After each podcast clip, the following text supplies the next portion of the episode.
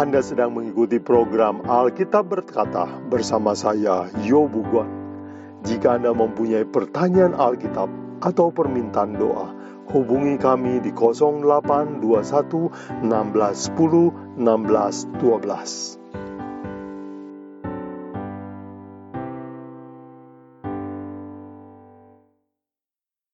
Hari ini kita akan belajar kelanjutan dari pembahasan kita tentang 10 hukum. Hari ini kita akan membahas hukum ketiga, jangan menyebut nama Tuhan dengan sembarangan. Apa yang dimaksud dan bagaimana aplikasinya buat kehidupan kita, itu adalah pelajaran kita hari ini. Saudara sekalian, sebelum kita belajar, mari kita tunduk kepala untuk berdoa. Bapa kami di surga, terima kasih untuk firman Tuhan adalah pelita dan terang buat hidup kami. Dan Tuhan berjanji buat semua orang yang menghormati namanya, Tuhan akan menghormati mereka. Ajari kami hari ini supaya mengerti hukum ketiga, supaya hidup kami diberkati dan berkenan kepada Tuhan. Tolong pembicara berkati semua pendengar di mana saja mereka berada. Dalam nama Yesus kami berdoa. Amin. Saudara pendengar sekalian, hari ini judul pembahasan kita adalah hukum ketiga, jangan sebut nama Tuhan sembarangan. Jikalau saudara ada pertanyaan atau tanggapan, jangan lupa tulis kepada kami. Berikan komentar dan tanggapan Anda kepada kami di 0821 1610 1612. Nah, saudara sekalian, hukum ketiga kita melanjutkan pembahasan 10 hukum. Saudara sekalian, seperti biasa saya akan kasih satu tips tentang arti dari hukum.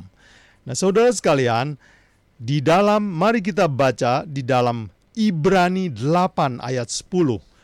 Ibrani 8 ayat 10 firman Tuhan katakan definisi perjanjian baru itu apa? Ibrani 8 ayat 10 firman Tuhan berkata, Dan inilah perjanjian yang akan kuadakan dengan kaum Israel sesudah waktu itu. Demikianlah firman Tuhan. Saudara perhatikan kata berikutnya dari ayat ini. Firman Tuhan katakan, Aku akan menaruh hukumku di dalam akal budi mereka dan menuliskannya dalam hati mereka Aku akan menjadi alam mereka dan mereka akan menjadi umatku. Nah saudara sekalian, definisi perjanjian baru dikutip oleh Paulus di dalam Ibrani 8 ayat 10 ini. Dikatakan, aku, yaitu Tuhan, akan menaruh hukumku dalam akal budi manusia. Jadi kalau begitu, perjanjian baru dan perjanjian lama bukanlah soal waktu, tetapi soal media di mana hukum itu ditulis. Jadi kalau hukum ditulis di, hanya di dua lau batu, hukum hanya ditulis di kertas, hukum hanya tertulis di dalam buku-buku, maka itulah yang disebut perjanjian lama. Dengan kata lain, kalau kita orang Kristen hidup hanya menurut teori agama, itulah manusia perjanjian lama. Dan kalau suatu hari kita bertobat dan kita mengagumi hukum Tuhan dan kita mencintai hukum Tuhan dan huk Tuhan katakan aku akan menuliskannya di dalam hati mereka itulah disebut manusia perjanjian baru. Jadi saudara sekalian, manusia perjanjian baru dan lama bukan hukumnya yang baru atau lama, hukumnya sama tetapi medianya berbeda. Saya berikan satu ilustrasi. Dahulu saya memakai motor dan ketika pertama kali diundangkan untuk memakai helm, saya biasa memakai helm ala kadarnya. Kalau ada polisi kita pakai helm yang asal-asalan supaya tujuannya apa? Jangan ditangkap polisi. Itulah manusia perjanjian lama menuruti hukum karena takut dan kewajiban. Tetapi suatu hari saya jatuh dari motor dan saya bersyukur ada helm. Sejak saat itu saya mulai mengerti bahwa hukum memakai helm, kewajiban memakai helm adalah sebuah perintah yang baik sekali. Saya mencintai hukum. Dulu hukum aturan helm ditulis hanya di kertas. Sekarang peraturan itu saya tahu manfaatnya, ditulis di hati saya tanpa disuruh pun saya akan memakai helm. Itulah saudara sekalian arti perjanjian lama dan perjanjian baru. Jadi Bapak Ibu saudara sekalian jangan salah paham. Ada orang yang berkata bahwa oh kalau kitab keluaran itu perjanjian lama dan sudah tidak berlaku. Bukan saudara sekalian, hukum Tuhan itu kekal, dia berlaku selama-lamanya. Tetapi yang Tuhan mau tunggu dari kita adalah perubahan hati kita dari melakukan hukum secara kewajiban menjadi mencintai hukum. Nah, baik saudara sekalian, kita belajar hukum ketiga terdapat di dalam Keluaran 20 ayat 7 dikatakan Jangan menyebut nama Tuhan alamu dengan sembarangan, sebab Tuhan memandang bersalah orang yang menyebut namanya sembarangan. Nah, saudara sekalian, Tuhan katakan jangan sebut sembarangan karena Tuhan akan memandang bersalah. Nah, kata memandang bersalah atau sama dengan berdosa. Dan Roma 3:23 katakan semua manusia telah berbuat dosa. Roma 6 ayat 23 katakan, dan upah dosa ialah maut. Jadi melanggar hukum ketiga hasilnya adalah maut. Nah saudara sekalian, kenapa Tuhan mau kita menghormati namanya?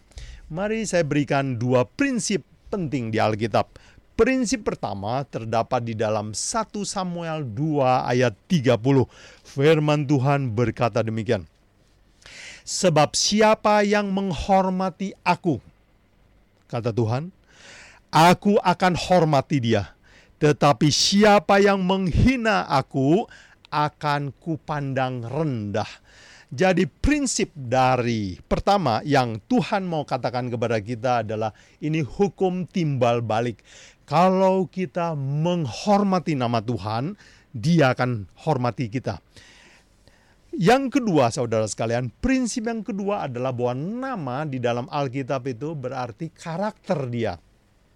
Jadi kalau kita, uh, kalau Yakub ketika dia bergumul dan menang melawan dosa lamanya, Tuhan bilang namamu sekarang akan diganti menjadi Israel. Dari Yakub menjadi Israel. Arti Israel adalah yang menang.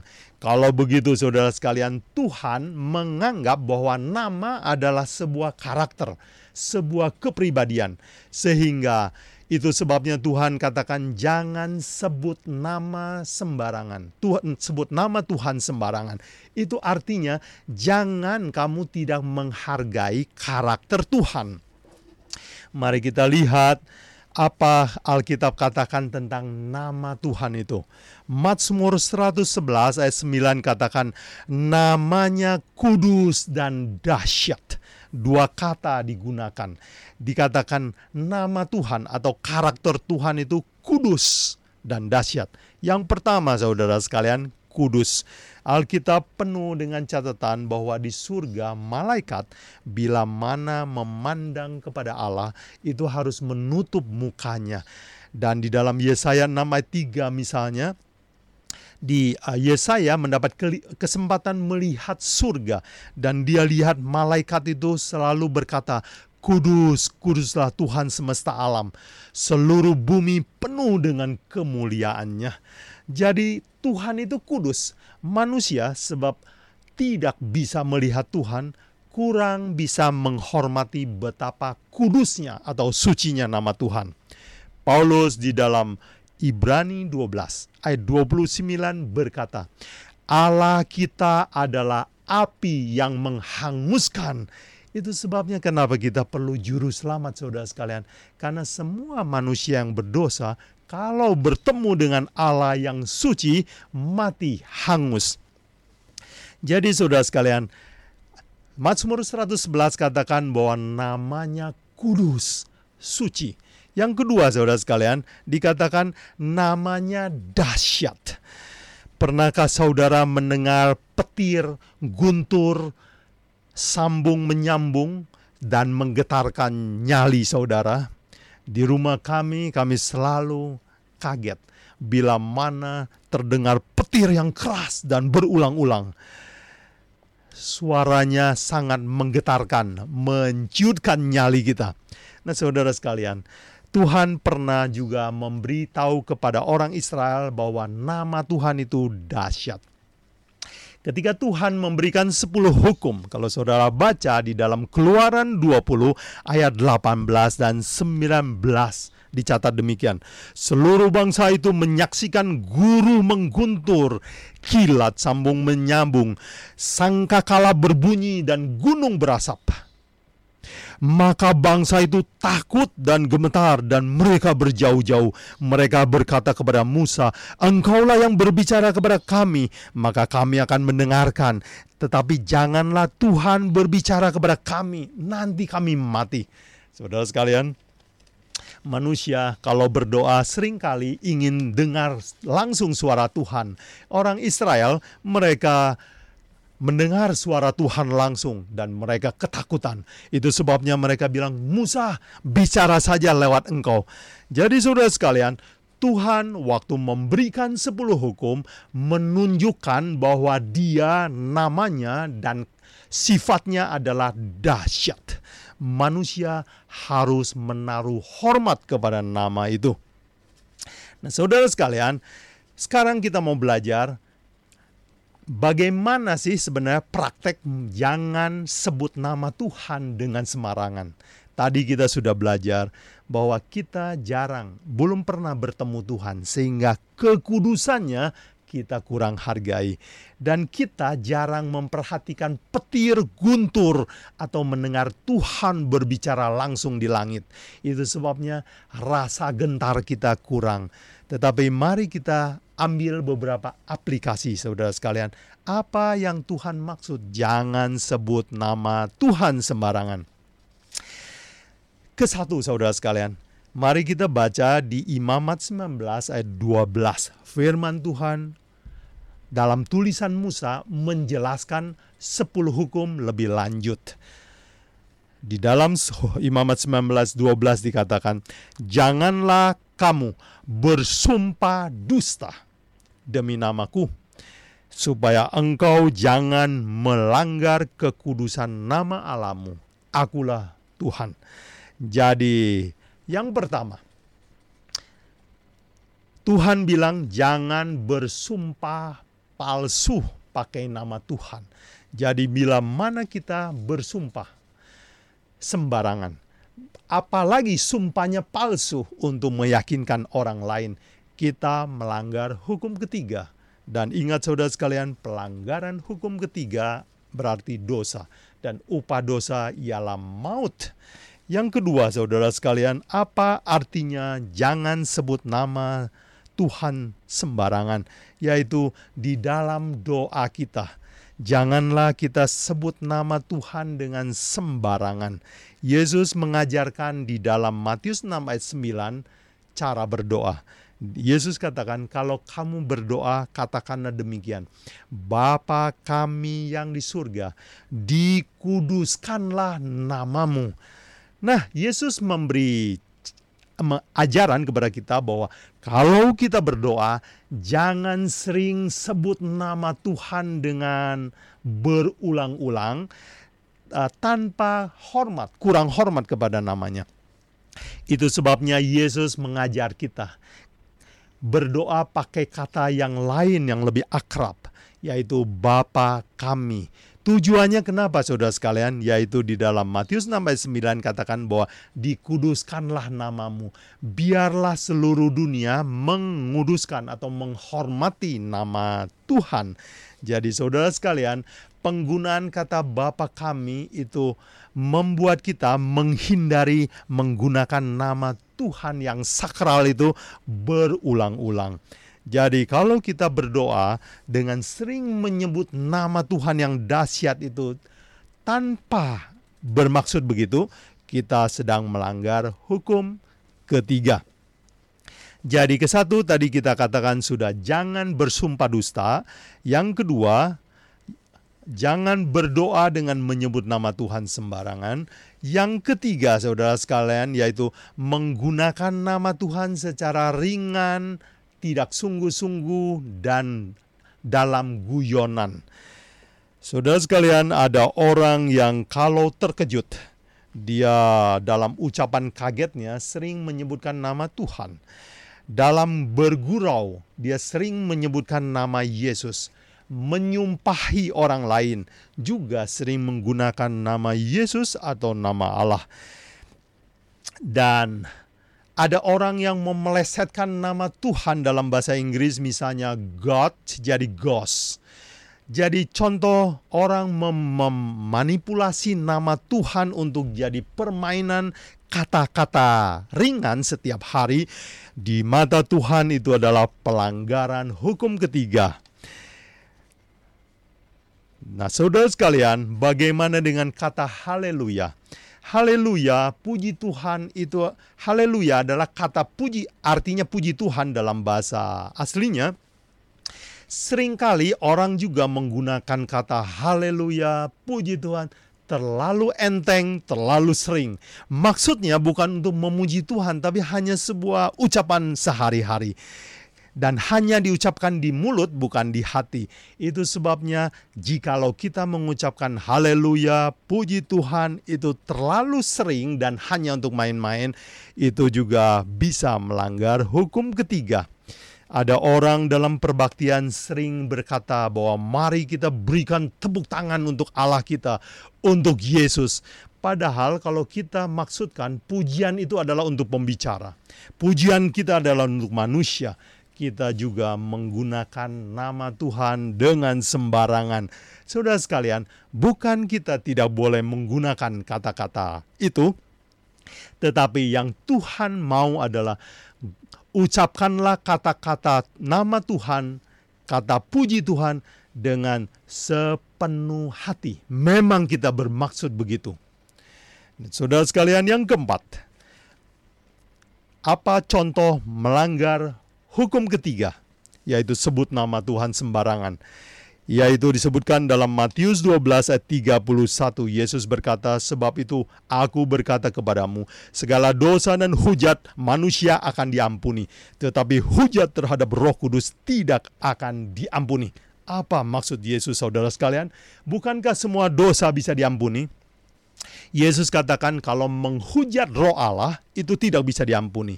Kalau saudara baca di dalam Yohanes 16 ayat 8, Tugas Roh Kudus adalah mengingatkan kita akan dosa, sehingga kita jadi membenci kelakuan kita yang berdosa. Jadi, kalau begitu, karena tugas Roh Kudus adalah mengingatkan kita akan dosa, kalau kita menghina pekerjaan Roh Kudus, berarti kita tidak mau bertobat, dan kalau kita tidak mau bertobat, kita tidak mungkin diampuni, artinya tidak bisa selamat. Itulah yang Yesus maksud dengan menghujat Roh Kudus. Saudara sekalian, ada orang sering menolak suara hatinya dan mengatakan itu adalah suara dari kuasa lain. Atau ada orang yang ya sering kali merendahkan nama Roh Kudus. Dengan demikian, prinsip yang keempat, kalau kita menghujat Roh Allah, itu juga meng nyebut nama Tuhan dengan sembarangan. Yang kelima, saudara sekalian, meremehkan nama Yesus Kristus juga adalah sebuah pelanggaran hukum ketiga. Mari kita Siapakah Yesus Kristus itu? Yohanes 1 ayat 1 sampai 3 mencatat bahwa pada mulanya adalah firman. Firman itu bersama dengan Allah dan firman itu adalah Allah sendiri. Jadi Lalu di ayat 14 dikatakan firman itu menjadi manusia diam di antara kita. Apa artinya saudara sekalian? Yesus Kristus yang lahir di bumi dengan nama Yesus Kristus itu adalah berasal dari atas, dari surga, yaitu firman Allah dan firman ini menjelma jadi manusia. Jadi kalau begitu, Yesus adalah Yehova sendiri yang menjadi manusia. Kalau begitu, tidak heran Yesus katakan dalam kitab Yohanes bahwa aku dan Bapa adalah satu. Jadi Yesus adalah Yehova sendiri.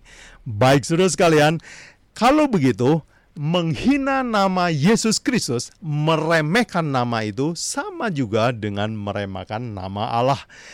Dalam Filipi 2 Paulus mengatakan dalam 5 sampai 10 dikatakan Yesus Kristus yang dalam kesetaraannya dengan Allah tidak menganggap penting untuk tetap setara dengan Allah, melainkan telah merendahkan dirinya dan turun menjadi manusia, bahkan manusia paling hina. Dan dalam keadaan yang paling hina itu bahkan dia mati dengan cara yang paling hina yaitu mati di kayu salib dan oleh sebab kerendahan hati yang begitu dalam itulah Paulus menulis demikian di dalam Filipi 2 9 dan 10 Yesus Kristus telah diberi nama di atas segala nama yang padanya semua orang harus bertekut lutut. Saudara sekalian, nama Yesus adalah nama yang besar dan Allah telah mengangkat dia oleh sebab dia telah merendahkan diri sehingga seluruh alam semesta takluk kepada nama Yesus Kristus. Itu sebabnya bila mana kita memandang remeh nama Yesus Kristus, kita melanggar hukum ketiga yaitu menyebut nama Tuhan sembarangan. Yesus mengatakan di dalam Yohanes 5 ayat 22 23 dikatakan Bapa tidak menghakimi siapa pun melainkan telah menyerahkan penghakiman itu sepenuhnya kepada anak supaya semua orang yang menghormati anak sama seperti mereka menghormati Bapa. Jadi kalau kita menghormati nama Yesus Kristus sama setara dengan menghormati Allah Bapa. Saudara sekalian, Mengakhiri pembicaraan ini saya ingin mendiskusikan satu hal yaitu ada orang Kristen yang sekarang menganggap bahwa nama Tuhan harus disebut dalam bahasa tertentu atau istilah tertentu. Misalnya Yehova, Yahweh, Elohim, Adonai, El Shaddai. Apakah benar demikian? Jawabannya adalah tidak saudara sekalian. Contohnya diberikan oleh Alkitab. Paulus dalam perjanjian baru tidak pernah menggunakan istilah-istilah Ibrani. Dia menggunakan theos, kurios untuk mengatakan Allah, Tuhan. Yesus ketika mati di kayu salib, hampir wafat di kayu salib, dia berseru, Eli, Eli, lama sabaktani. Eli sama dengan Tuhan. Lalu Yesus mengajar kita untuk berdoa sebut nama Bapa. Jadi nama uh, bukan secara literal yang Tuhan maksud, tetapi penghormatan kita itulah yang Tuhan maksud. Saudara sekalian, Yesus memberikan ilustrasi dua orang berdoa di dalam Lukas 18. Dikatakan dalam Lukas 18 ayat 1, orang Farisi itu berdoa dan berkata dalam hatinya, "Ya Allah, aku mengucap syukur kepadamu." Orang kedua yaitu pemungut cukai, dia berdiri jauh-jauh dan di dalam Lukas 18 ayat 13 dikatakan, uh, Ya Allah kasihanilah aku orang berdosa Kedua orang ini menyebutkan nama Allah dalam bahasa asli mereka. Tetapi Yesus berkata, satu diterima, satu tidak. Jadi jelas sekali bahwa yang Yesus, yang Alkitab maksudkan menghormati nama Allah bukan menghormati huruf-huruf nama Allah, tetapi adalah sikap kita hormat terhadap nama itu. Terakhir saudara sekalian sebagai aplikasi. Oh ya tadi kita sudah belajar lima cara melang yang termasuk melanggar hukum ketiga. Sekarang kita akan tutup dengan sebuah renungan. Yaitu kalau kita menyebut diri kita Kristen. Yang artinya pengikut Kristus. Tetapi kalau kita hidup tidak mengikuti perintah Tuhan. Maka kita adalah seorang pendusta Dan seorang pendusta berarti tidak menghormati nama Kristus. Mari saya baca ayat terakhir di dalam 1 Yohanes 2 ayat 4. Firman Tuhan berkata, Barang siapa berkata, Aku mengenal dia, yaitu Kristus, tetapi ia tidak menuruti perintah-perintahnya. Ia adalah seorang pendusta, dan di dalamnya tidak ada kebenaran. Ketika kita mengasihi, mengaku bahwa kita mengasihinya, namun kita tidak mengikuti perintahnya, maka kita disebut berdusta. Saudara sekalian, sebuah renungan buat kita. Nama kita adalah Kristen, artinya pengikut Yesus Kristus. Apakah hidup saudara sudah mencerminkan karakter Yesus Kristus? Apakah saudara rela mengampuni orang yang bersalah kepada saudara? Apakah saudara selalu berkata ramah, tidak mau bertengkar dengan orang lain? Apakah dalam hidup saudara orang melihat nama Tuhan dipuji atau nama Tuhan dihujat? Kiranya ini menjadi renungan kita hari ini. Apakah saya layak disebut Kristen? Semoga saudara sekalian, pelajaran hari ini jangan sebut nama Tuhan sembarangan menjadi sebuah pengingat bagi kita bahwa kita adalah hambanya, layak memuliakan Tuhan kita. Kiranya segala mulia dan hormat adalah bagi dia saja, Tuhan kita. Kiranya Tuhan memberkati saudara pendengar sekalian. Jika Anda mempunyai pertanyaan Alkitab atau permintaan doa, hubungi kami di 0821 16 10 16 12.